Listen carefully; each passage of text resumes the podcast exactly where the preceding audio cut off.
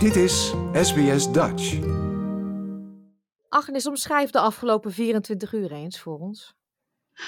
Oeh, de afgelopen 24 uur waren super intensief. We hadden eigenlijk gedacht dat we aan de westkust eh, best wel goed zaten, omdat de orkaan Gabriella verwacht was eigenlijk meer langs de oostkust te razen. Maar ehm, ik heb zo'n hele interessante app, dat heet windy.com. En eh, daar konden we ineens zien dat hij toch een soort van wervelende ommezwaai maakte richting ons. Dus, dus, toen begon eigenlijk de wind al van de andere kant te komen, uh, meer van zee. En wij zitten eigenlijk met uitzicht op zee best wel, nou, niet heel erg exposed, wel wat bomen, maar toch wel, uh, ja, het is gewoon onwijs.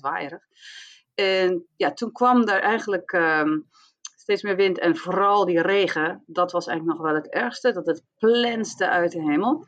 Nou, toen uh, gingen we dan op een gegeven moment toch maar een beetje aanstalten maken om te gaan slapen. En om tien voor elf s'avonds ging de sirene in het dorp, uh, wat dan vaker gebeurt als er een, een ongelukje is. Of, de, of ik dacht, nou, misschien is een boom omgewaaid en dan moet de brandweer even komen. Dus dan uh, gaat de brandweer eruit en dan, dan hoor je die sirene echt. Het is toch, ja, het voelt een beetje, wat ik zeg, het voelt best een beetje een soort van ouderwets. Dat iedereen wordt opgeroepen, de hulptroepen moeten komen helpen.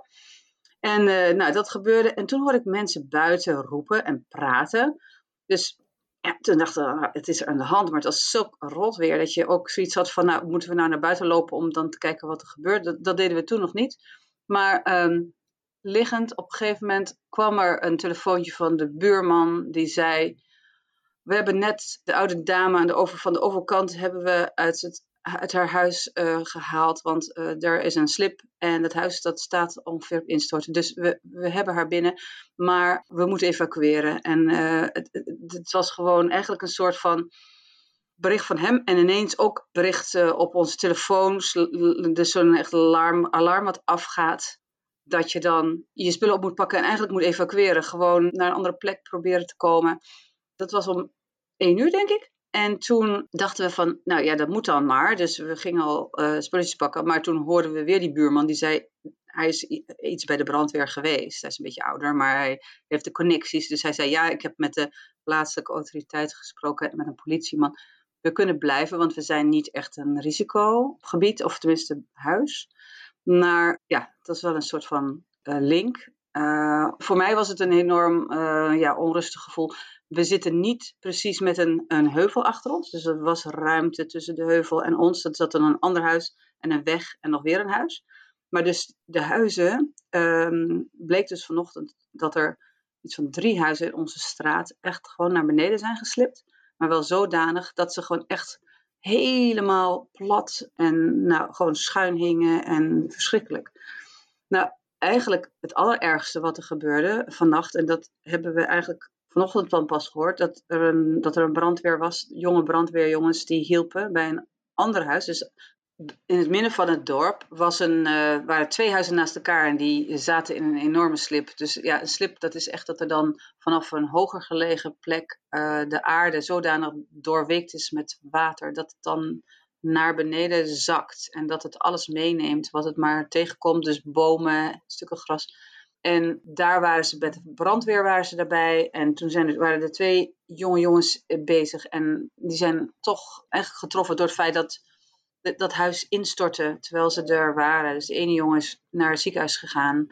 Uh, best wel zwaar letsel. En de andere is nog niet gevonden. Oh. En dat is echt zo, uh, ja, zo'n kleine community. Er zijn maar duizend uh, mensen eigenlijk in uh, Murai. En um, ja, dan is het in zo'n kleine community echt wel heel, heel zwaar. Hij is een dierenarts. En dan ook nog in zijn vrije tijd doet hij brandweer. En had net een, net een dochtertje of een kind van een, negen maanden of zo. Dus het is allemaal heel, heel, heel zwaar en naar. En hij is nog niet gevonden. Dus ik, ik weet gewoon niet wat er met hem gebeurd is. Nee, daar kan je alleen maar het, helaas het ergste van vrezen, inderdaad. Ja, ja. Maar toen we dus deze ochtend vroeg uh, dachten van nou, dan, we moeten uh, zorgen dat we zelf uh, veilig zijn. Want ze bleven maar piepen de hele nacht met van je moet weg, je moet evacueren. We hadden contact met onze buren. Ehm, zij, zijn, zij waren in de surfclub al opge, genomen. Dus ze hadden twee kleine kinderen en de oma, het zijn Italianen, en de oma uit Italië was er ook. Dus ze zijn met het hele gezin zijn ze weggegaan. En in de surfclub hebben ze overnacht. wij zijn wel in ons eigen huis geweest, maar ja, gewoon geen ogen dicht gedaan. Het was gewoon eh, zo eng. Dus toen het helder werd, toen licht werd, toen konden we echt pas goed zien wat er allemaal was gebeurd.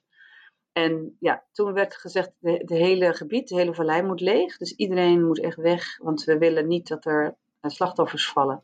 Dus eigenlijk nu zijn we geëvacueerd. Ehm, we hebben alles achtergelaten. We hebben wel de, de poes opgepakt en uh, de vriezer leeg gehad en de ijskast. Want ja, er is ook geen stroom al die tijd. En um, de buurman belde op en zei: Ik heb hier een 81-jarige uh, eh, oude dame uh, zonder gebit en zonder gehoorapparaat. En um, ja, ze, zit, ze is hier en ze heeft ook geen medicijnen. Dus uh, kunnen jullie bellen naar de pharmacy en zorgen dat we dan misschien die medicijnen op een of andere manier kunnen regelen? Maar we konden al niet meer naar beneden rijden, want het is een, het is een soort van slingerweg naar beneden. En er waren op drie plekken wel zulke ongelooflijke grote modderstromen dat we daar niet doorheen konden met de auto. Dus we, er was nog wel een soort van shortcut, een klein paadje wat je kon lopen. Dus we, hadden daar, we waren al naar beneden gelopen en we hadden, konden wel iemand ontmoeten voor die medicijnen. Maar ja, er waren nog andere dingen, in, ook in dat huis. En dat huis was nog niet ingestort en dat zag er eigenlijk nog wel redelijk stevig uit. Dus mijn man Pier, die dacht van oké, ik ga wel even samen met uh, de buurman kijken of we niet toch die spullen gewoon kunnen halen. En hij is binnengegaan, Pier is binnengegaan om het gebit en de, het gehoorapparaat en haar tas, alles uh, te halen. Dus hij was een grote held, want het is hem gelukt. En ook alle medicijnen. Het is hem gelukt om dat te doen. Dus zo ja, op zo'n manier krijg je dan wel heel erg wat je zegt van ja, een soort van um, burenhulp. Weer gewoon uh, de dingen uh, voor elkaar met elkaar doen. Um, er werden overal bomen gezaagd. Ja, het communitygevoel dat je met elkaar toch uh, ja, probeert dingen op te knappen en er voor elkaar te zijn. En ook toen we uiteindelijk dus wel wegkwamen vanuit onze straat, toen werd ook heel erg. Ehm, ja, we werden enkel drie keer aangehouden van oh, kun je ons vertellen waar je was en wat is je adres? En is er niemand meer achter? En nou, we hadden ook de push mee, dus alles, iedereen was, is weg uit het adres daar. En ze hebben het heel secuur gedaan. Ze zijn ook daarna ons nog weer gaan bellen. Dus ik denk dat we inderdaad wel dat ze wel vier keer gecheckt hebben of we veilig waren en, uh, en dat, we, dat het huis leeg was. Doordat we twee weken geleden eigenlijk een relatief onaangekondigde, uh, nou ja, onwijze regenval hebben gehad. Wat natuurlijk ook wereldnieuws was met uh, Auckland stroomt helemaal onder en auto's die vol stonden en wat al niet. Dat is natuurlijk ook een, een, um, ja, een groot probleem nu. Hè? Want uh, omdat er nu eigenlijk dan deze storm, die hebben ze best wel heel erg goed aangekondigd. Omdat ze de vorige keer eigenlijk zo best wel laat waren met de mededeling van nou, let op, er komt heel veel water aan. En uh, toen was het denk ik al te laat, want toen zat iedereen al helemaal te verzuipen. Nou ja, en nu, nu komt er dus weer zo'n stootwater. En dat is natuurlijk funest ja, voor die grote um, bergen zand. Die zijn helemaal uh, echt doorweekt. En ze zijn nu eigenlijk bang dat er nog meer slides gaan komen. Dus daarom wordt ook de hele boel geëvacueerd. En ja, we weten ook echt niet wanneer we weer terug kunnen. Dus nee. ze gaan ons allemaal weer persoonlijk informeren, kennelijk voor wanneer we dan weer uh, terug kunnen naar het huis.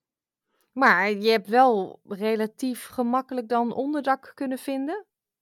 Nou, eerlijk gezegd, wij um, hebben dan best wel natuurlijk een beetje een luxe positie dat wij nog een huis hadden aan de andere kant, dus aan de oostkust, waar onze kinderen nog wonen. Dus in wezen, dat huis is een beetje een um, studentenhuis geworden.